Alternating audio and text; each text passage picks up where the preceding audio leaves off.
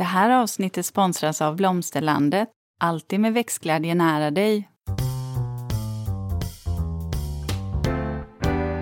Välkommen till Ulrika och Lindas trädgårdspodd och det är jag som är Linda Kylén, trädgårdsmästare. Och det är jag som är Ulrika Levin, trädgårdsdesigner. Nu ni kära lyssnare eh, så har vi Helena Söderman med oss igen. Hon kommer in här snart för vi ska prata pioner och eh, fördjupa oss mer i den och prata de rena arterna. Eh, vi ska prata historiska pioner för det vet jag att du är intresserad ett av Linda. Ett önskemål från mig och du har också ett önskemål. Exakt, Ito-pionerna. Du säger att de börjar bli populära nu. Jo, men det tycker jag nog att de gör. Eh, och jag har sett dem mycket att lyftas fram på ett annat sätt i butik också. Fler sorter. Eh, jag tror pionälskare och pionkännare för, för, då, för er är det nog ganska, alltså så har man känt till de här länge. Det är liksom bara, har, jag, har resten av världen vaknat nu? Ja, lite ja. så. Mm. Det är ju liksom typ som luktärtor eller dahlior ah, eller whatever. Ja. ja. Mm.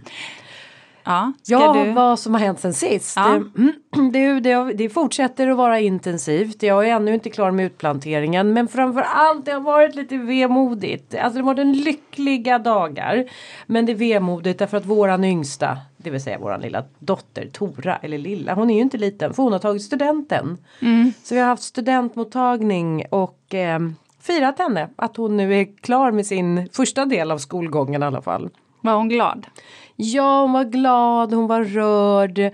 Det var en, eh, ja men det var en eh, känslosam dag. Men så är det väl med student. Så att jag har varit ganska liksom, ja, ja men Ja men det har varit känslosamt har det varit. Men jag tycker det är en ganska lycklig dag också. Jo men den det är, är så det. mycket förväntningar och kompisarna kommer och de går emellan varandra och alltså ja, beroende lite på hur man bor. Nu bor ju ni ute på landet. Ja men... fast vi hade mottagningen i växthuset ja. på Överjärva. Det passar perfekt Ja men det är ju strålande. Events. Ja. Ja. Ja. ja, jag tyckte det var och i en vacker tid också dessutom. Mm. Ja. Mm. Så, att, så det är väl där jag har befunnit mig i en eh, od, alltså utplantering och eh, studentbubbla. Skönt att ha det avklarat också på ett sätt. Jo alltså, men det är det. Ja. Det är det. Bara i och med att det är mycket planering som ligger inför ja. en så stor grej. Ja. Mm. Du eh, Rika, ja hur går det för dig här då? Sist vi eh, poddade då var det ganska, eh, då var det ganska, hur ska man uttrycka det? Det var lite mycket saker som hände här. Ja, mm. nej men nu, nu har jag faktiskt varit mer fokuserad på arbete. Så jag har varit och tittat på nya uppdrag runt här i Stockholm, i Djursholm, Enskede och på Lidingö, bland annat ett 1700-talshus. Eh, eh, det är ju alltid ett spännande projekt att göra så, alltså trädgårdsmiljöer till så gamla hus. Det kräver ju en viss tanke. Nu tror jag att det var ganska, nu ska vi se, jag har gjort det innan på ett gammalt 1700-tals kråkslott nästan i Norrköping har jag för mig var mm. superroligt. Oj, spännande. Uh, ja, men vad kul, att det, att, mm. och att du är på uppdrag eh, nu när vi kommer in i semestertider. Ja. Ska du inte ha någon semester i sommar? Jo, jo, det har jag. Men ja. det här är ju sånt som får komma i augusti. Ja. Eh, det är svårt att påbörja någonting nu. Mm. Även kunderna ska ju på semester. Mm. Och sen Skönt. till helgen, Linda, jag ska ju på the weekend. Det blir, nej, det, jag ser verkligen fram emot det. Ja, du, får, du kan väl eh, filma och lite så här. Det är klart jag gör. Mm, det är klart jag gör. Det får du göra. Ja, ja. ja. Vad är favoritlåten då? Eh, nej men alltså, oh, Har du någon oh, sådär? Eh, Klura på den då mm, Nej men den enda jag kommer på det är ju Another day Save your tears. Ja, Save your tears mm. for another day. Tillsammans mm. med hon. Ariana. Ariana Grande. Mm. Ja, bra låt. Alltid. Bra jag låt. tror att den alltid, man kommer alltid få lite så här dansmood när man hör den. Ja, ja. ja absolut. Men, Men, han har gjort vansinnigt många bra låtar. Ja, gud ja. ja. Eh, det kommer bli en alltså, kul Jag tycker kväll. att hans, hans här, videos eller så här, man säger, man ser, ja, de är lite läskiga. Jag tittar inte lite på blod, dem längre. Ah, nej, de gillar jag inte. Så jag, jag lyssnar lite, bara. Ja, jag lyssnar bara. bara. Nu får du dansa i helgen. Men du, vad säger du? Ska vi bjuda in Helena till en piondans kanske? Ja. Ja men gärna. Ah, Välkommen alltså gärna tillbaka. Tack så mycket. Jättehärligt att få komma tillbaka och prata med pioner. Ja. Mer. Och du har ju en lista nu Helena. Jag ser alla dina ark som ligger framför dig. Nu har jag laddat. Nu, eller hur? Nu ska vi namedroppa. Oj, nu ska oj, vi namedroppa. Ja, så och då kan vi beredda. vara beredda med papper och, papper penna, och penna, telefonen i anteckningsläge, plocka fram datorn och eh, upp med ett stort dokument till Word. För att eh, ni kommer kunna skriva en, en halv bok av det här. lappar, ja. allt funkar. Ja, allt, Men jag tänkte funkar. så här Helena. Eh, det här med pioner. Eh, jag vet att det är för, för vad ska man säga, för de allra, allra flesta som inte kanske är så insatta i pioner så kan man bli lite förvirrad av alla, vad ska man säga, grupper som finns. Mm, grupper, vi, typer. Ja, så jag kan, kan inte du bara snabbt här nu rabbla, vad finns det för olika grupper? Gruppor, grupper. grupper. Man kan väl grovt dela in dem i alla fall fem olika grupper. Eh, jag tänker arter först som är de som finns i naturen där vi kan hitta i hela Europa och två arter finns ju i USA. Mm. Eh, det finns ungefär 30 arter bara ja. av pioner så det finns inte så många. Då kallar man det för de rena arterna, det vill säga ja, ja. de som växer ut Spontan, i naturen vilt. Spontant Naturliga. Vilt. Ja, precis. Det är de arterna och flera av dem finns att eh, köpa som är uppodlade, finns i butik att köpa. Och de tänkte att vi kunde gå igenom kanske vilka, vilka ja. som finns att få tag i. För det är alltid roligt med arter. De blommar ju väldigt tidigt. De är oftast väldigt öppna i blomman. Jättepopulära för pollinerare. Eh, och sånt är alltid härligt. De där mm. som jag tycker ibland ser ut som eh, ja, men, kläckta ägg när man har en äggula i mitten. Ja, det ja. är mycket sånt. Det är mm. kläckta ägg. Ja, det är kläckta, mm. kläckta ägg. äggpioner. Ja, ja, exakt. Det var en ny terminologi här. Ja. Gå och fråga efter den i butik hörni. Ja, jag vill ha ja. kläckt ägg. jag lovar att det finns. Ja, och sen vi... förutom arterna då så finns det ju hybrider. Eh, hybrider är ju en korsning mellan olika arter. Eh, och de är ju lite senare i blomningen än själva arterna. Eh, efter det och vad, vad betyder lite senare i blomningen? Ja, lite senare beror ju på var man håller till någonstans. Men för mig börjar ju arterna, de har ju redan börjat hemma i 13 maj tror jag var. Det drog igång i år. Mm. Och, och du bor i Stockholmsområdet? Roslagen. Mm. i Roslagen så det är ju mm. zon 3-4 hos mig. Mm. Eh, bor ju alldeles vid vattnet så det är alltid kallt på våren så ändå var jag lite imponerad över den här kalla våren. Att pionerna kommer igång fem dagar tidigare än förra våren. Oj! Mm. Mm. Ja det var lite häftigt. Så att, eh, arter är alltid trevligt för de är tidiga som sagt. Eh, efter då, då hybriderna brukar gå igång, eh, börja blomma och luktpionerna kommer. Och sen sist ut så brukar oftast itopionerna vara och då är vi framme i mitten på juni fram till början på juli. Eh, och sen, det, alla de här pionerna är ju örtartade. Itopionen är ju halvört, men den ska vi komma in på. Eh, buskpioner finns det ju också, som eh, kallas träpioner ibland, men det är ju felöversatt. För de blir aldrig träd med en stam utan de blir buskar med flera stammar här hos oss. Eh, och de brukar ju blomma också ganska tidigt. De ligger väl i pipeline nu i här början på juni. Slutet på maj, början på juni. Så det är väl de sorterna vi har. Arter, luktpioner, hybrider, buskpioner och itopioner. Mm. Ska vi säga vad, något? vad får vi kasta oss in ja, får, vi, men, får vi börja direkt? Mm, det tycker jag. Mm, eh, ska vi börja med de första? Vilka var det då? Ja, jag eh, tänkte arterna, de här ja. som börjar ganska tidigt. Ja, då börjar vi med dem. Ja. Eh, jag har faktiskt gjort en lista på mina, jag tror att det är 15 favoriter. Sådär. Som inte är jättesvåra att få tag i. Jag tänker lite så också. Det ska kunna vara lätt att hitta de här ute i butik eller beställa hos odlare. Mm. Är arterna härdigare skulle du säga? Eh, både ja och nej. Vissa är väldigt svårodlade i Sverige. För mm. att de kanske kommer från sådant klimat som vi inte riktigt kan erbjuda. Men just de som jag har listat är ganska snälla. Mm. Ska du snabbt bara säga vad, här, vad härstammar pioner ifrån? Alltså eh, naturligt. Hur växer ja, de i naturligt? Ett, I ett band liksom runt världen från Kina, Pakistan, Indien, Ryssland, Azerbajdzjan och över Ja, det är ganska kalla trakter, oftast bergigt och skogigt och, och sånt, kargt. Eh, inte frodiga landskap så ofta. Det är lite spännande egentligen. Det är en planta som verkligen är en tuffing ute i naturen. Och ändå är den så skir och vacker. Så det, ja, det jag, jag tänker det, det, känns ja precis, det känns lite som en primadonna. Ja, och den står ute i skogsbackar och ja. i slänter och på de mest otillgängliga platser i naturen. Ja. ja, det är jättehäftigt. Ja, men eh, jag, jag, tänker att vi säger, och vi kanske ska säga det också, att de här listorna kommer du lägga upp på din eh, podd eh, på Piontorpets Instagramkonto. Och det finns ju alltid i, på vårt Instakonto, Ulrika och Linda, så lägger vi in adressen till det här i vårt Linktree. Så där kan ni gå in kära lyssnare om det är så att ni inte uppfattar alla alla Helenas sorter trots och, eh, papper och penna och dator och allt vad du sa. Och sen Linda. även hemsida kanske ja, precis. Jag lägger det på hemsidan också. Ja. Ja. Eh, mm. ja men precis för det kan vara lite kul att, att ha listorna på detta. Eh, och jag tänkte faktiskt dra igång direkt med den sibiriska pionen som heter Anomala. Den är ju, alla gemensamt för de här är att de är ganska små och skira. De är enkla i blomman och de blir oftast inte så höga, pionerna. Eh, Anomala, den här sibiriska pionen, alltså, den blir ungefär 40 till 50 centimeter. Oj, det är inte särskilt. Nej, den är liten och gullig. Eh, rosa öppen blomma med lite gula ståndare. Eh, jättesöta och just väldigt populära bland pollinerarna eftersom de slår ut tidigt. Och då finns det oftast inte så mycket annat runt omkring som konkurrerar.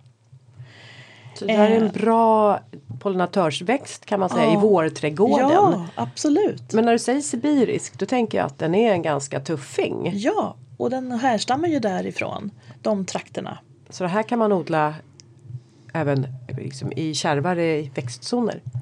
Ja, det tror jag nog att mm. det skulle funka riktigt bra. Mm. Eh, jag vet i alla fall att den finns upp till zon 7 finns det odlare som har den. Oh. Så de är, de är tuffingar överlag de här arterna. Och sen finns det ju som sagt vissa som är lite kinkigare men de, eh, de kan jag nämna.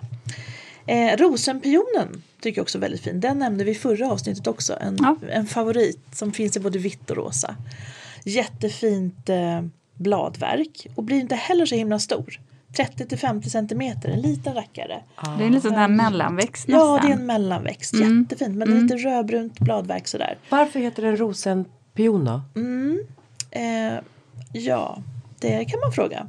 Det är ju svenska namnet, den heter Vecchi på latin. Pionia Vecchi. Ser den eh. ut som en ros? Alltså, ja, egentligen här... en, en sån här öppen fin gammeldags ros. Ja, det gör den. Den är ganska lik. För blomman är ganska så lik den. Så det kan jag tänka mig att namnet eh, kan komma därifrån.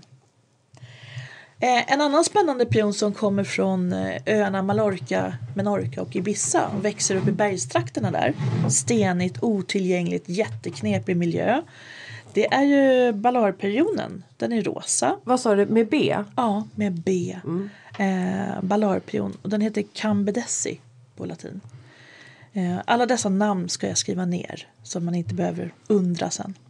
Den är jättedåligt härdig här i Sverige för den tycker inte om sommarfukt. Annars brukar vi alltid prata om vinterfukt i trädgårdssammanhang. Men den trivs inte med sommarfukt. Jag satt och funderade på det och dels så funderade jag också på, på just det där med om, om den faktiskt... Eh, det låter som att det här är en pion som skulle gilla ganska mycket kalk. Ja, trivs fint hos eh, pionvänner på Gotland. Mm. Stenigt, kalkrikt, mm. torrt. Ja. Ja, ja. där trivs den. Jo. Men den kanske kommer få ett uppsving då eftersom vi verkar gå mot varmare och torrare somrar. Ja, vem vet. Den är väldigt vacker i alla fall. Eh, enkel såklart, eh, rosa, jättefin liten, liten pion. Eh, en annan som är lättodlad och väldigt tidig det är ju krimpionen, Daurica. Eh, och den kommer ju då från de trakterna i Krim. Eh, den är också rosa, väldigt vanligt med rosa färger på arterna. Mm. Olika rosa toner. Och när du säger rosa, är den cerisrosa eller aprikosrosa? Nej, inget aprikos. Det har nej. vi inte i de här pionerna. Utan det här är ceris eller ljusrosa. Vänta till Ito-pionerna Ja, men kommer. precis. Ito, de bjuder på aprikost. Ja. men inte arterna. Eh, krimpionen är som sagt väldigt lättodlad så den, den kan ta för sig och etablera sig ganska bra om man får tag i den. Som en marktäckare nästan? Ja, nästan inte riktigt marktäckare. Jag, tog, jag såg nämligen på din, din ja, hand. Ja, alltså, jag tänker så att den kryper ut. Och, ja. Ja, mm, den blir hyfsat, mm. ja, den blir jag läste teckenspråk här på dig. Precis. Ja. Ja, men en annan favorit har vi ju svavelpionen såklart. Ja, den, den vet jag. Den har vi pratat om. Den Ja. känns så här äh, mytomspunnen. Alltså det är Ja. klart jag ska ha en svavelpion. Ja men varför vill man ha en svavelpion? Ja, varför Och vad det? är det man åtrår? Ja. Det är väl den här gula färgen, den här ljust, ljust gula färgen. Och bladverket tycker jag också. är- Bladverket är fantastiskt. Ja, Varför heter det det. svavelpion då? Det är Svavel. Ja, är ju svavel? gult. ja, det är den Det är gula gult. färgen. Det är den gula färgen. Ja, men den är ju inte är. genetiskt färgäkta. Jag kände att du ställde frågan innan du hade tänkt efter Linda. Jag såg det i dina ögon. jag tänkte, varför heter den svavel? Gud, Kom, Linda. kom det där verkligen ut? Okej, det här, jag tror att vi klipper bort det här. det avslöjar så mycket Lindas eh, eh, ja, spontanitet. Så här blir det ibland. Ja, så här blir det ibland. Men det vet ni som lyssnar att Ja. det blir så här. Ja. Men gå vidare Lena. Ja, färgen på svavelpionerna är ju inte genetiskt stabil. Nej, så Den det är inte färgäkta. Nej, ute i naturen kan den vara både rosa och vit och en kombination av allt det där. Jag har flera svavelpioner själv och jag älskar dem. De är precis lika vackra i bladverket allihopa. Men de har olika blomfärger. En kan vara vit med rosa kanter, en kan vara vit med lite gult i mitten, den kan vara rosa med lite vita streck. De korsar alltså, sig. Hur fina som Nej, de korsar sig inte. De har det i Alltså, de- generna. I Jaha, generna. vi har det. I generna. De är inte stabila i generna. Nej, så det de beror är på vilket- gula. Eh, vi, vad som slår igenom helt enkelt. Ofta så Mm. är det rosa. Alltid så är det rosa som är starkast. Ja. Men man vet aldrig. Så vill man absolut ha en gul svavelpion som alla åtrår, då är det ju en rotdelning som gäller. Ah, Inga frösådder. För man kan fröså dem absolut, men man vet ju inte vad det blir för färg. Så vill man ha den här riktigt fina har du gula så är gul det- hemma hos dig? Det måste du Ja, ha. det har jag också. Också. också. Ja. Men de är så vackra i bladet som sagt så de har jag flera av. Eh, en annan favorit är ju sidenpionen, Wittmaniana.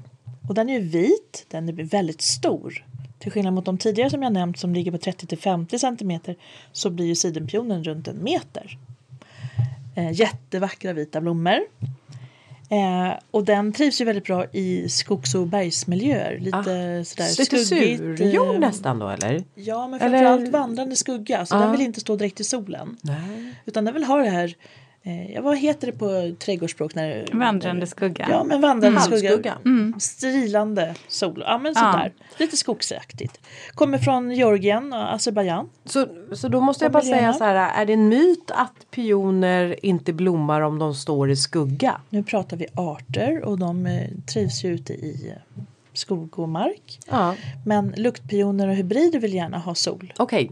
Ja. Mm. Men arterna? Arterna är oftast bättre De- att inte stå i bara sol. Utan de är oftast mer skogsmiljöaktigt. Mm. Så. Under buskar och eh, kanske bakom syrenhäcken och inte framför den. Så. Eh, för de vill ha lite, lite mer skyddat. Gud vad spännande, jag börjar Mm. gilla dem mer och mer. Ja, kanske blir en hel eh, artrabatt också. Exakt. på Åsby. Mm. Eh, en annan jättefavorit är ju näckrospionen. Ah, vet du vad fina. Sörmlands eh, landskapsblomma är näckrosen? absolut, då måste du ha näckrospion. Ja. Den blir också väldigt stor, ungefär en meter. Eh, på både höjden och bredden. Den tar för sig ordentligt. Det är så roligt när vi pratar stort, en meter. En I meter. min Ja. värld är det ganska litet, men för att vara i, pion. i artpioner då Ja. är det stort. Med Vad, en och vad har vi för färger på den där då? Kan det passa Ja, på oss? vit, vit, vit, vit. vit. Den är Alltså kritvit eller Ja, krämvit? nej, helt kritvit. Aha. Och den är Skymningsträdgård. Linda. Ja, men eller hur. Så ska man ha en Skymningsträdgård. Absolut. Mm. Eh, månskensrabatt heter det hos mig. Så har jag en sån såklart. Och du har en sån där? Ja, men det är väl klart. Ja, den är jättefin. Det tror jag det finns Spetsiga för. knappar. Jättefin. Bladverket är finflikigt, lite blankt, lite rödbrunt när det kommer upp. Urtjusigt. Näckrospion. Näckrospionen kommer ifrån ehm, eh, Himalaya.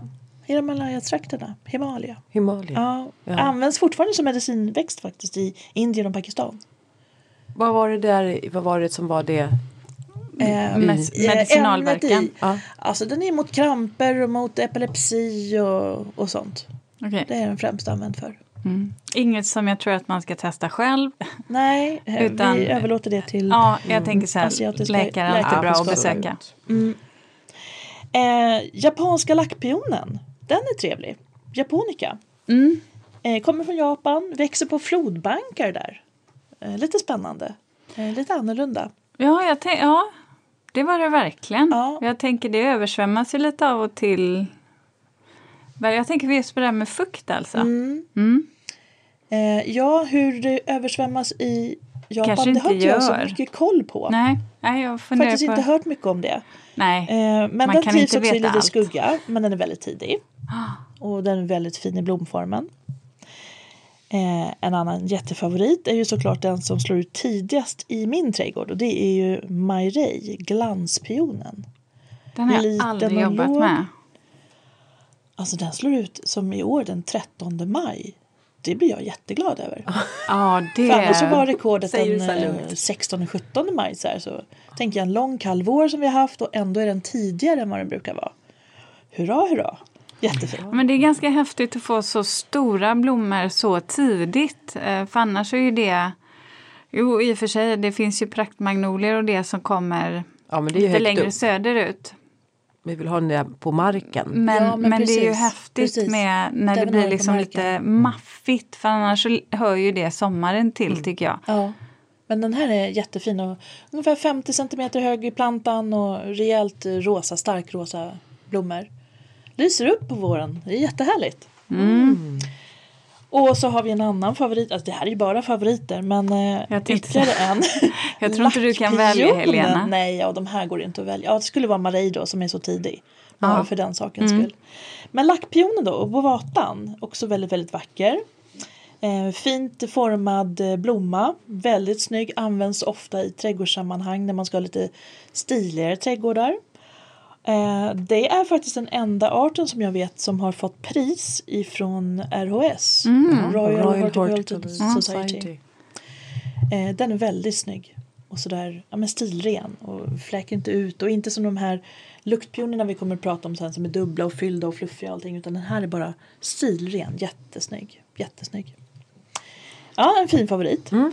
Eh, bergpionen får vi ju inte missa. Nej, Nej. den får vi inte missa. En officinalis och den är ju själva ursprungspionen. Ah, liksom. ah. Och går att få tag i. Jättetidig i blomningen, urvacker. När du säger går att få tag i, måste ja. man eh, då gå in på någon eh, sida på nätet, specialbeställa ett år innan? Eh, eller kan man gå på en vanlig eh, blomsterbutik och bara in och Ja men kanske. Vissa börjar ju vakna till lite gamla blomsterbutiker också och ta in lite fler sorter än vad det har varit vanligt ett tag. Ehm, runt sekelskiftet så hade vi ju jättemycket pioner i blombutikerna. Vilket sekelskifte pratar vi om nu? Vi, vi pratar inte det här närmsta Nej. utan det förra. 1800-1900-tal alltså? 1900, ja. Mm. För då var ju pionerna i ropet och då hade vi väldigt många olika eh, pioner i handeln. Eh, sen så dippade det efter 1970 så hände någonting. Då var pionen lite otrendig. Mm. Och det har väl börjat ändras lite grann nu hoppas jag. Ja. Att det ska bli mer. Um, ja, men man, det är ju alltid så här som när vi pratar odling att om man inte vet vad man kan få så köper man det som finns. Yeah. Och, och det, det blir som ett självspelande piano eh, faktiskt. Mm. Och då blir man ju väldigt begränsad i urvalet. Och ja, lite tråkigt ibland. Jag tror att eh, variationen är bra samtidigt så fattar jag att det ska finnas en volym och en marknad också Absolut. för att det ska vara intressant. Men nätet är annars... Nätet är bra. Mm. Där kan man köpa direkt av odlarna i Europa. Mm. och få jättefina rötter levererade då barrotade. Just det, det är ju så man, ja, det är nästan som det som Dahlia Beställer den på våren och sommaren så länge det finns kvar och sen brukar katalogerna stänga och sen skickas eh, rötterna ut barrotade hem till oss mm. i september, oktober när det är perfekt tid att plantera. Visste du det att man börjar titta på det faktiskt med perenner också Linda, semibarrotade? Nej. Att det kommer. Jaha. Eh, mm, det är vissa odlare som tittar på att ta fram eh, det. Mycket, mycket känsligare, svårt till privatkonsument än så länge för att de är ju oskyddade på ett annat sätt. Vad är grejen? Uh, ja, men det, det, kräver ju inte så mycket med jord och kruka och allting. En lättare uh, hantering rent. Ja, jag tänker också klimatmässigt att mm. man kanske också behöver titta på hur länge det ska stå på plantskolan. Mm. Um, man försöker uh, Ja, men det är också ett sätt att lära plats. sig som konsument. Det är precis som vi, vi all, de flesta som är intresserade av trädgård vet ju att barrotat sortiment av mm. buskar finns liksom tidig vår eller på hösten. Mm. Sen frågar man inte efter det. Nej, det, det, är en problematik kring det så att säga logistiskt, mm. absolut. Men det kommer mer. Man tittar också på det för att så att säga påverka kostnader eller liksom påverkan på också eh, miljö och klimat. Mm. Intressant är det i alla fall. Intressant. Mm. Ja. ja, och jag tänker återgå till bergpionen. Eh, officinalisen. Mm. För det är ju ett eh, litet eh, trick med den. Eh, de flesta pioner måste ju förökas med en rotdelning med ögon eller via frön. Men om man eh, gräver upp en officinalis och eh, den tappar en bit på roten så går den att föröka utan ögon. Aha. Så den kan man få fart på och få en ny planta av. Direkt bara plantera den här rotbiten som gick av eller så. Ah, den har de egenskaperna i sig. Det är ju fantastiskt. Mm. Ja, verkligen. Det, det nu, nu kan jag tänka, ja, och så, å andra sidan kan jag tänka i naturen så skiter väl egentligen, alltså det är ingen som kollar efter ögon där. Så att, men jag tänker för men oss som odlare. Ja, men också så här, finns det, ser man inga, ja men exakt tillväxtpunkterna är ju de som är. Ja, ja. men inte med den. Och då vet vi ju jättemånga som, som har flyttat pioner.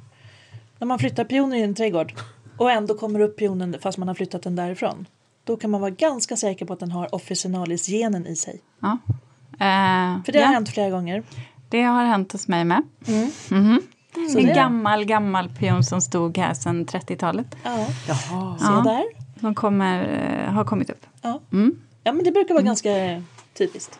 Nästa favorit på listan med arter är ju dillpionen. Oh, den är väl läcker. Ja, den, har du den, någon dillpion? Eh, nej, jag har ingen dillpion. Men oj, jag har oj, faktiskt oj. fått ett erbjudande om en dillpion. Ja. Men jag har inte svarat ja ännu för jag vet inte var jag ska placera den. Oj, och, finns det alltid en plats för en pion? Ja, det finns alltid en plats. ja. Hur många sa du att du hade? Ja, och förlåt, här, vad har du? 339 hektar va? Mm, och du har det. ingen plats? Jo men det är så här, jag vill ju att den ska växa så att den får utvecklas och inte kvävas av kirskål och annat som finns. Och kanske rätt kompisar. Ja, just exakt. Mm. Det, det var det där med. Ja. Men eh, okej, okay, låt höra dillpionen. Ja, men dillpionerna finns ju i röd enkel blomma. Det finns en röd dubbel variant och det finns en ljusrosa och en vit. Gemensamt är väl att de blir inte så höga, 30 50 cm ungefär och väldigt dilliga. Väldigt Blir de bara avlånga? Alltså, ska man gå in och klippa ner dem så de buskar till sig? Nej. Nej. Då tar man Nej. väl bort blomman? Du kan väl inte klippa ner en, en örtartad pion?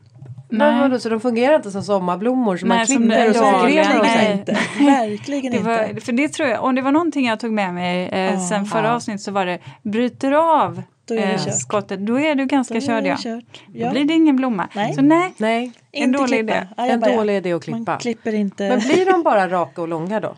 Ja, de här blir ju inte så himla långa. 30 till 50 som sagt för Ja, men alltså förgrenar de sig mycket? Eh, ja, ganska mycket ändå. Aha. Det gör de. Mm. De blir ju som en liten buske. Och det blir ju gemensamt för alla pioner. De bildar ju små buskar.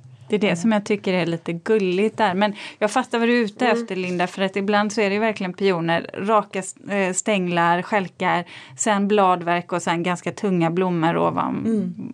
Det är inte som ovanpå. Eh, dahlior du Nej. kan nypa av och få sidoblommor. Mm. Nej, Inte, så inte så. Men det är klart om de håller sig på 30-50 då får man kanske inte riktigt den känslan som man får av en luktpion. Eh, Nej. Mm. Och luktpioner och sånt har ju ofta sidoknoppar som gör det ja. ännu mer buskigt. Mm. Det har ju inte arterna på samma sätt Nej. alls. Linda, visst är vi stolta över att ha en sponsor till dagens avsnitt? Ja, och det är Blomsterlandet. En trädgårdsbutik nära dig med butiker över hela landet och en e-handel som är öppen dygnet runt. Välkommen! Eh, Bondpionen är ju en eh, korsning. Festival heter den. Eh, finns ju i vitt, rosa och rött och några variationer på det. Fick sitt namn för att den blev så vanlig vid bondgårdar. Och det var ju på 1600-talet som den kom till Sverige, mm. bondpionen. Mm. Eh, en variant på dillpion som oftast eh, blandas ihop med just dillpion det är herrgårdspionen. Men du sa bondpion sa du? Ja, bondpionen det var en speciell för sig. Mm. Okej, okay, men nu säger du att herrgårdspionen blandas oftast ihop med dillpionen. För den ser likadan ut i Ja, lite så. Man Aha. tror oftast man har en dillpion och så är det inte det, då är det en herrgårdspion. Mm -hmm. Enklaste sättet att skilja dem åt eh, det är DNA. Har man inte DNA att tillgå, det är på den... Enklaste sättet. Det låter som värsta ja. CSI där. Du vet, bara, det har DNA-test på ja, det har blivit så. Men det finns ju lite trick man kan, man kan se. Eh, en dillpion blir ju inte högre än 30 50 cm. Den är väldigt liten och kompakt. Eh, medan herrgårdspionen oftast är över 60 cm. Sen så är det ju själva blomman som är fäst på skälken. På en dillpion så ligger blomman direkt på skälken och tittar rakt upp. Medan på en herrgårdspion har de oftast ett litet skaft mellan själva blommans huvud mm. och uh, skaftet. Ett litet skaft så att den nickar oftast lite. Mm. Så det brukar vara ett litet trick man kan se. Hur pass nära den ligger själva bladverket. Eh, och så på själva bladen är väldigt, väldigt dilliga på en dillpion. Väldigt dilliga. Medan den är lite mer finflikig på en herrgårdspion. Men där finns det också väldigt många kloner emellan. Så det är därför man börjar prata DNA för att vara riktigt säker. Ah. Jag tänkte säga, ja. Men vad, vad intressant. Det, tänker jag, det är någonting som jag ska ta med mig just när man åker till lite äldre trädgårdar kanske. Mm, och titta efter. Mm. Mm. Många som säger åh jag har en sån fin dillpion och så vill man inte krossa deras hjärtan och säga åh vilken vacker herrgårdspion. Men det är ju en herrgårdspion som står där allra oftast. Så är det. Så den är vanligare än dillpionen ja, då? Det, mm. ja, det har den varit. Men gamla pioner vid torp då? Är det historiska pioner då? Ja, det kan man väl kalla dem. Eh, pionen kom ju som sagt var till, eh, till Sverige här på 1800-talet. Eh, luktpionerna, alltså doftpionerna kom hit då. Eh, bompionen kom tidigare, den var här på 1600-talet redan och har kommit hit via eh, munkar och kloster och sånt. Eh, men doftpionerna, när de kom hit så var det ju den här febern som hade funnits med, ni kommer ihåg tulpanfebern, 1500-talet i Frankrike, mm. helt galet. Den febern återuppstod på 1800-talet när eh, Frankrike hade börjat lyckas eh, korsa pioner. Det var officinalispionerna och luktpionerna som de fick fram massor av härliga varianter för. Och då var det på Parisutställningen 1824 som en odlare visade upp sin Edullis superba-pionen och den finns ju nästan överallt i Sverige fortfarande. Jättevacker! Mörkrosa, dubbel, fyllig, sådär fluffig, härlig. Eh, den är underbar och den är väldigt vanlig ute i eh, nästan alla trädgårdar. Eh, och sen på mitten av 1800-talet så spreds det här pionintresset över till USA. Och därifrån så är det ju jättemånga stora enorma odlingar som finns nu. Mm. Det är jättehärligt. Mm. Ja, för, jo, men för det vet jag just att många pioner kommer från, från USA. Men jag tänker, vad, vad krävs? Finns det någon sån här årtal som, som pionen måste ha funnits ifrån för att den ska räknas som historisk, Helena? Eller? I Kina omnämns den första gången har man hittat i gamla eh, priskuranter, tror jag, kataloger, 1589. Mm. Eh, så det är en väldigt gammal och har funnits i odling enormt länge. Och där var det ju också förbehållet till eh, kejsaren, de här fina buskpionerna. Det fick ju inte gemene man ha. Eh, historiskt, eh, du tänker historiskt i Sverige? Ja, om man ska säga så här att jo, men om pionen har kommit till på 1900-talet då räknas de inte till de historiska eller alltså finns det något ja, sånt där? Säga, 1824, ja. Före då så, alltså innan dess så räknas de till den här historiska gruppen. Eh, ja, jag skulle nog säga mitten på 1900 i alla fall. Mm. Tidigare än 1950 kanske så skulle jag nog räkna dem som lite historiska. Det är inte jättegammalt kanske eh, men eh, de kom ju till väldigt mycket på 1800-talets slut här i Europa så exploderade ju med massor av sorter. Eh, några fina exempel som fortfarande går att faktiskt hitta i butik som är väldigt lätta att hitta i vilken plantskola som helst. Det är ju till exempel Adolphe Rousseau. En röd medeltidig pion som är ungefär 95 cm hög. Avalanche en vit fylld, mm, supersnygg. Mm, 90 centimeter ungefär. Eh, Albert Cruz, jag kan inte franska och det kan vara väldigt roligt i den här branschen. Ja. När alla de här namnen är på franska så att ni får ha överseende. jag är inte heller eh, så, min franska är inte heller så Nej, bra. tyvärr. Den borde vara bättre men jag har mm. inte ens pionfranska tyvärr. Nej. Yeah. Eh, jag skriver däremot listan ja. så att det blir läsbar. Eh, Albert Cruz, eh, rosa, fylld väldigt starka stänglar. Så den är populär både som snittblomma och stadig och stabil alltså ute i trädgården. Mm. Behöver inte ha några eh, någon hållare för att hålla upp sig. Jag insåg att jag har en historisk eh, pion sen vi sågs eh, sist faktiskt. Ja. Min vita pion där. Eh, det slog ju mig. Det är ju en Duchesse de Nemours. Ja, härligt. Den är också med på min lista. Ja, den är så fin. Eh, den är fantastisk och mm. doftar helt magiskt. Den tänker jag, det är en av de pionerna som jag faktiskt använder mest i mina uppdrag. Mm. just för att jag tycker den är så himla mm. vacker. Mm. Den är jättefin. Jättefin. Mm. Doftar liljekonvalj. Ja, ja, den är Magisk. grym.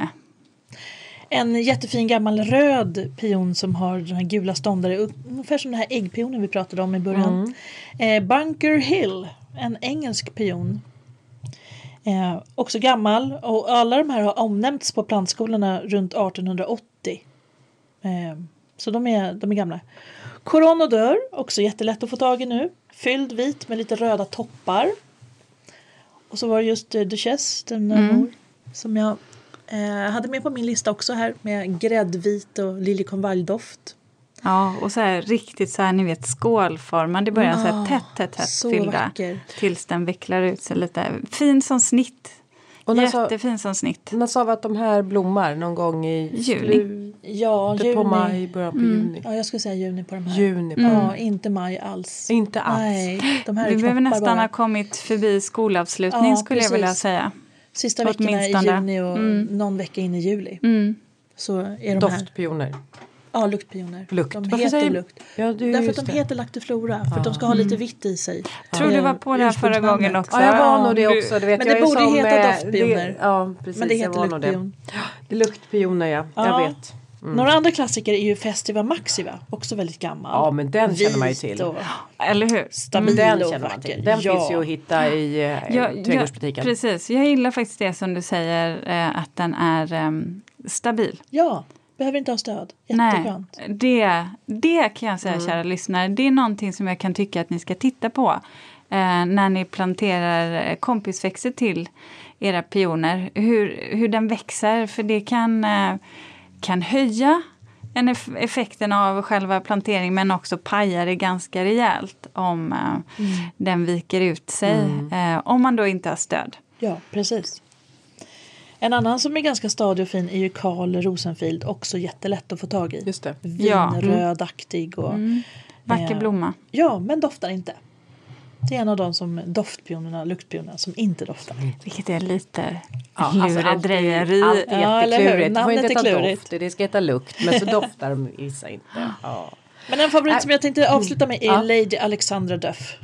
Jättefin. Duff. Den har jag faktiskt aldrig jobbat med. Halvfylld rosa, sådär tjusig som en skål med massa fyllning eh, fluffigt eh, gräddmos och så 90 cm hög och väldigt stark och stabil. Fluffigt gräddmos. Fluffigt den, måste jag, den, måste jag, mm. den måste jag kolla upp. Det tyckte jag lät intressant. Eller hur? Är gräddmos Men, egentligen? Ja, jag ja. vet inte. Jag har ingen Nej. aning. Nej. Men i pionbranschen så säger jag det ganska ofta. Ja. jo, men är inte det när man hade liksom blandade någon typ av sylt eller äpplemos med lite grädde eh, som man hade som efterrätt? Ja, så kanske det är. Eh. Det finns faktiskt ett namn på det och det har jag glömt av just ja. nu. Men jag tänker också sådär gräddmos ja. som, som dessert eh, jag vet, min förr i tiden. Oss på. Ja, jag, ja, I strutar. Det. Och så blandade vi bara in och så åt vi bara, bara smaksatt grädde. Grädde och mm. äpplemos har jag ätit fick jag. Ja, ja jag åt nog hallonsylt lingon, eller drottningsylt. Grädde och, och lingonsylt också. Sånt där. Mm. Ja just det, mm. lingonsylt också. Lingonmos. Mm. mm. Jaha men du, Härligt. Eh, ska vi kika in hos eh, och besöka Ito? Ja, ja. nu kommer här. vi till dem. Nu kommer vi till Ito Till de här. De är ju ganska häftiga. Mm. Eh, kan vara helt fantastiska. Samtidigt kan jag också tycka att de är lite knepiga i färgen för att de skiftar så mycket. Mm. Och du vet så att när man då ska titta på, som jag som sitter och jobbar med olika typer av färgskalor eller kulörer och ska välja färg så kan jag ju se en ytopion och sen se att ja, men på den här bilden ser det ut så här. Och sen så ser man att ja, men nu har den nog utvecklats lite, men Jesus! Mm. Vad, vad hände? Det är ju en helt annan blomma. Och då, då känns det som det här är en pion som man nästan måste liksom lära sig eller få beskrivet för sig. Hur ser den ut när den börjar, när den knoppar, när den börjar slå ut och när den så att säga är fullt utvecklad. För jag kan nästan tycka att det är två olika blommor. Det stämmer. Det finns ju även i örtartade pionerna, hybriderna, till exempel den här Coral Charm-serien som vi nämnde i förra avsnittet. Som börjar som mörkrosa och slutar som vita. Mm. Så de går ju också igenom hela den här mognadsprocessen med olika färger. Men det är ganska vanligt bland nitopioner att de, eh, de skiftar färg genom hela mognadsprocessen, genom hela blomningen. Så det är absolut inte alla men eh, de flesta gör det. Mm. Mm. Så det är spännande måste jag tänka Ja. mig i designbranschen. Ja. Ja. Varför har du fastnat då för Ito? Vad är det med att du bara, det här måste vi bara prata om? Eh, nej men det, dels för att de har ett annorlunda utseende. Det är lite mer som, eh, vad ska man säga, buskpionerna. Eh, och sedan så för att blomman är eh, lite häftigare, liksom lite mer öppen många gånger. Eh, och sen att de är men lite pampigare men lite skira skulle jag också vilja säga. Själva blombladen, det är lite mer som sån här silkespapper. Jag tycker de är, jag tycker de är häftiga. De är häftiga. Och så kan de vara så här mörka i mitten och sen så är det någonting helt annat. De har ett djup i sig. De är spännande i sig, själva blomman.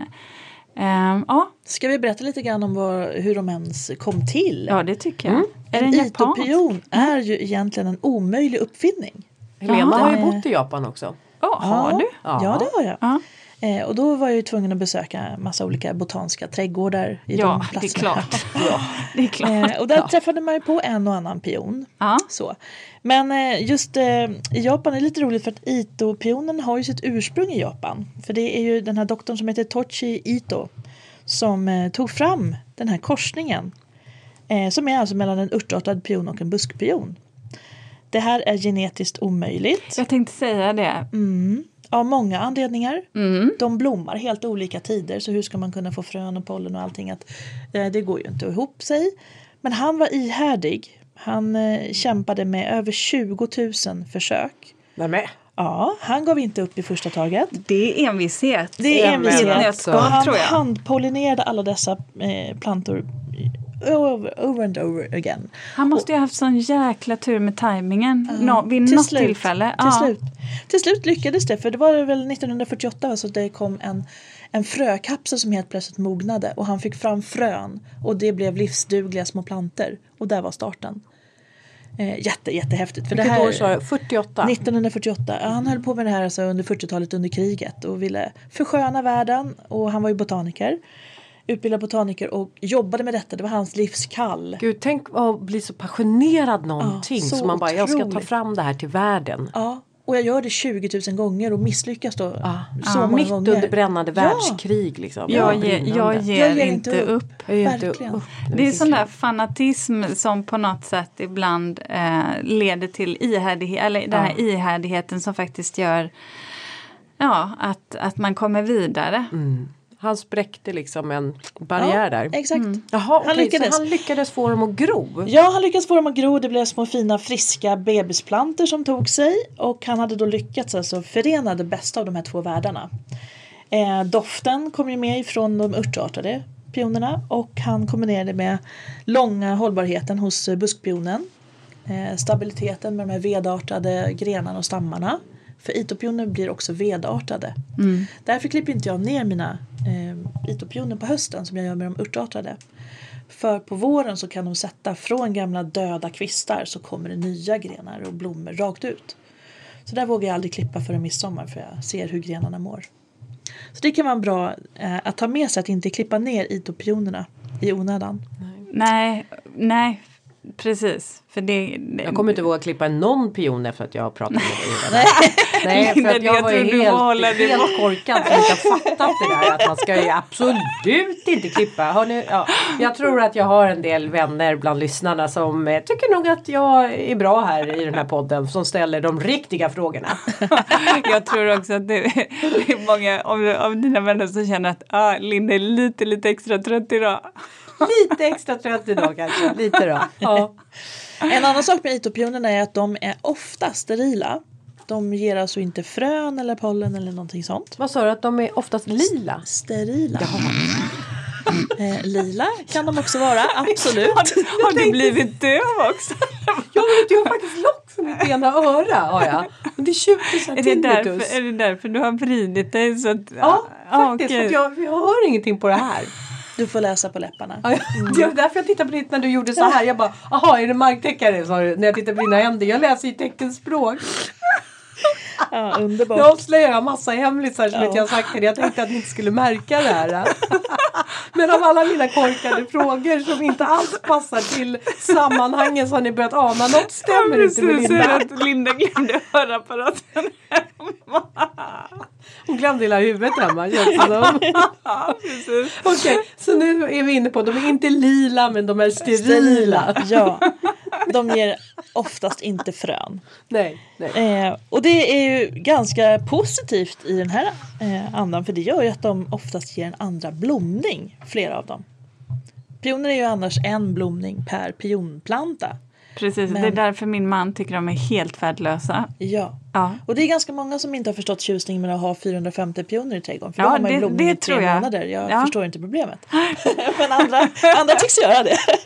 men då är itopionen ganska eh, spännande eftersom den ger en huvudblomning men vissa av dem kan även ge spontana blommor efteråt. En andra blomning Mm. senare på sommaren.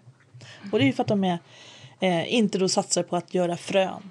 Utan de satsar på att göra nya blommor istället. Mm. Det är jätteläckert. Härligt. Men det finns ju en hake med detta.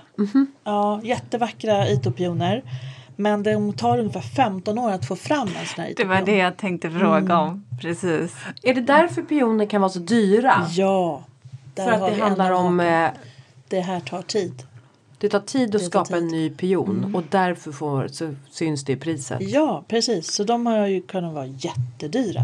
Och sen går det ju trender i de här. Mm. Någon nämner en eh, viss pion, då blir den jättetrendig. Så vill alla ha den och priset är jättedyrt. Eller att den är alldeles nysläppt, nyregistrerad. Och många tycker att den är häftig och den kostar hur mycket som helst. Jag tror en av de dyraste pionerna jag såg i årets pionkataloger låg runt 30 000.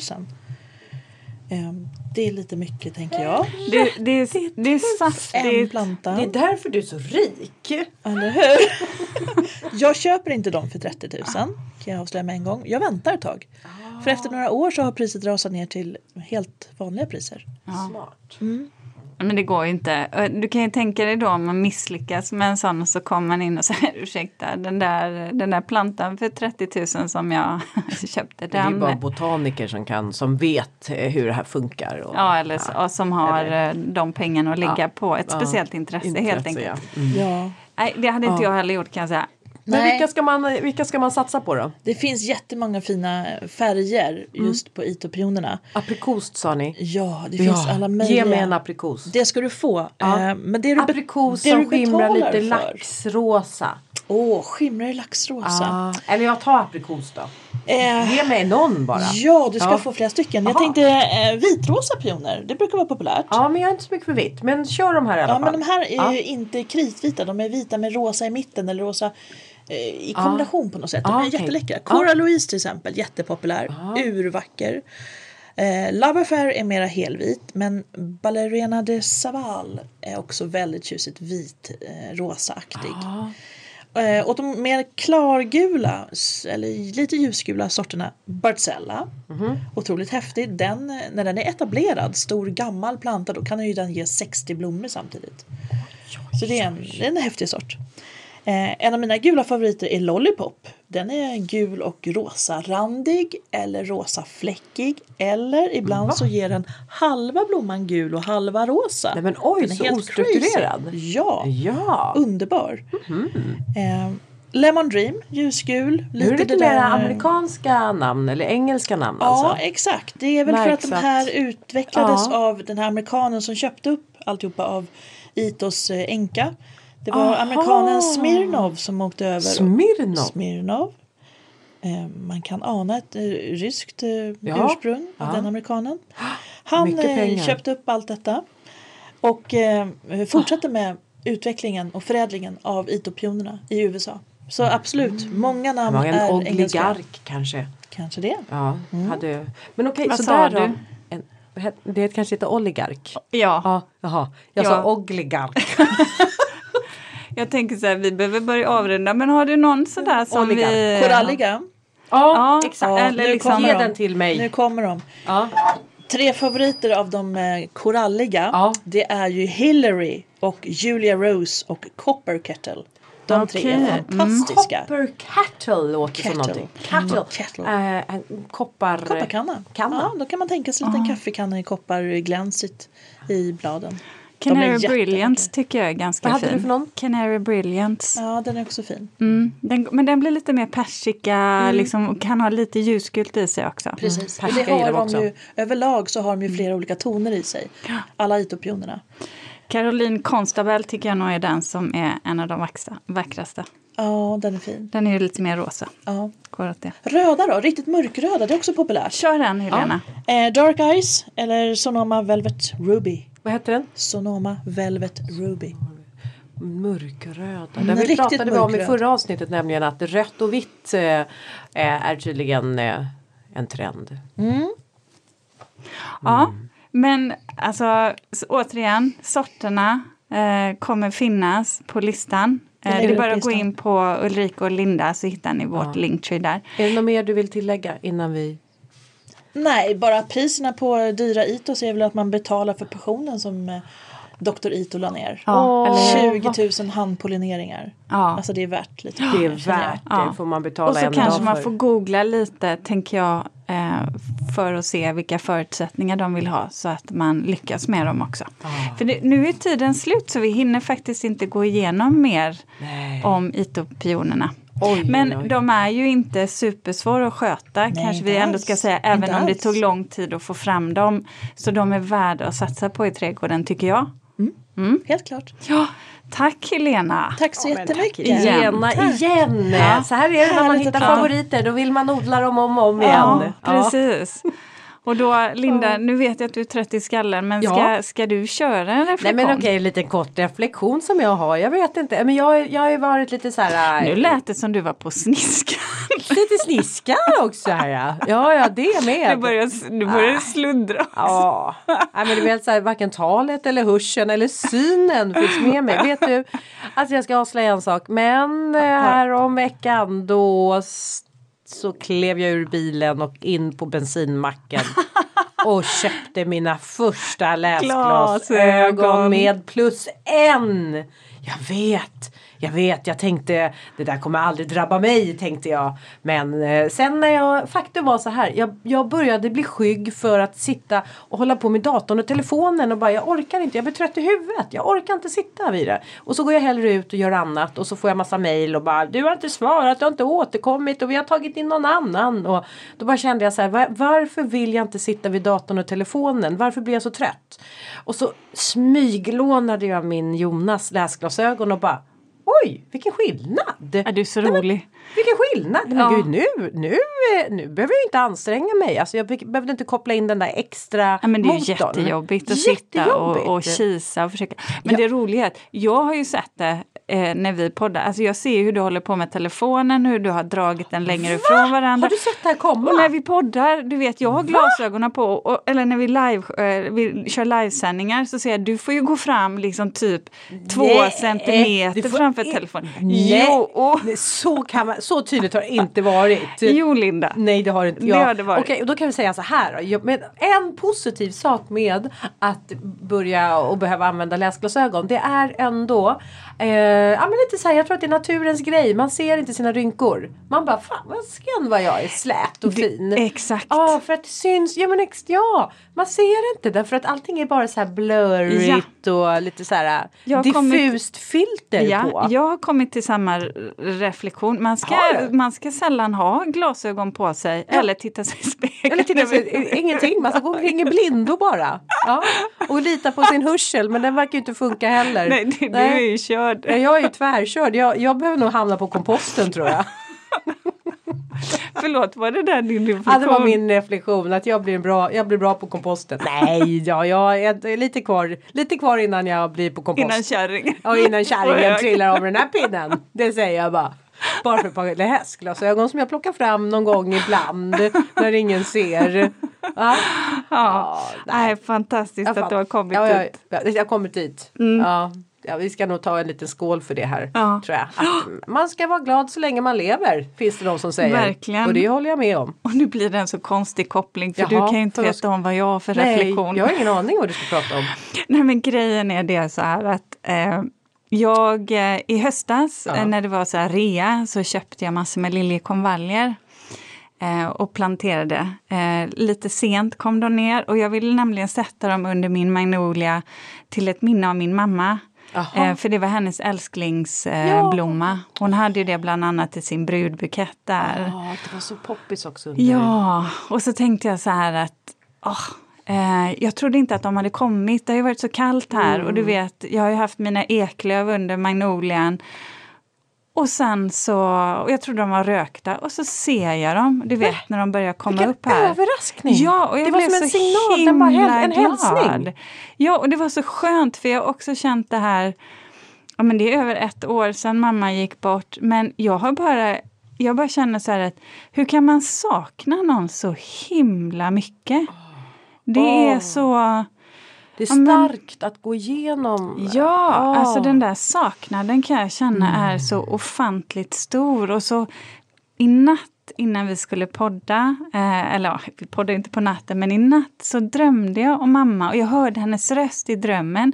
Och det var så skönt, för du vet, jag kände mig så lättad. Att där och då så tänkte jag, nej men gud, hon lever. Hon lever faktiskt, min mamma finns kvar. Mm. Livet fortgår inte utan henne. Och de månaderna när jag drömmer om mamma eh, så är det så tungt att vakna. Mm. När man inser att ja, så var det inte. Nej. Hon är borta. Hon är borta. Men det har jag tänkt på att även om livet fortgår så är den där saknaden på något sätt, den, den djupnar, det blir en annan nivå. Acceptans? Eller? Ja, acceptans, ja det är ju så, livet pågår ju i stort sett som vanligt men, men att det är ett tomrum. Det är det ju helt klart och då kan jag tycka att det är ganska brutalt att vara människa också. Mm. För det är många förluster eh, man gör under ett liv mm. om man får leva länge. Mm. Så, så än får du väl hänga kvar Linda? Ja, ja än så länge hänger jag. jordförbättrar mig bara lite eller något. Fukt har jag hört är kanon. Jag ska fukta till mig lite bara. Ja. Vadå? Ja, ja, exakt det där blev ju.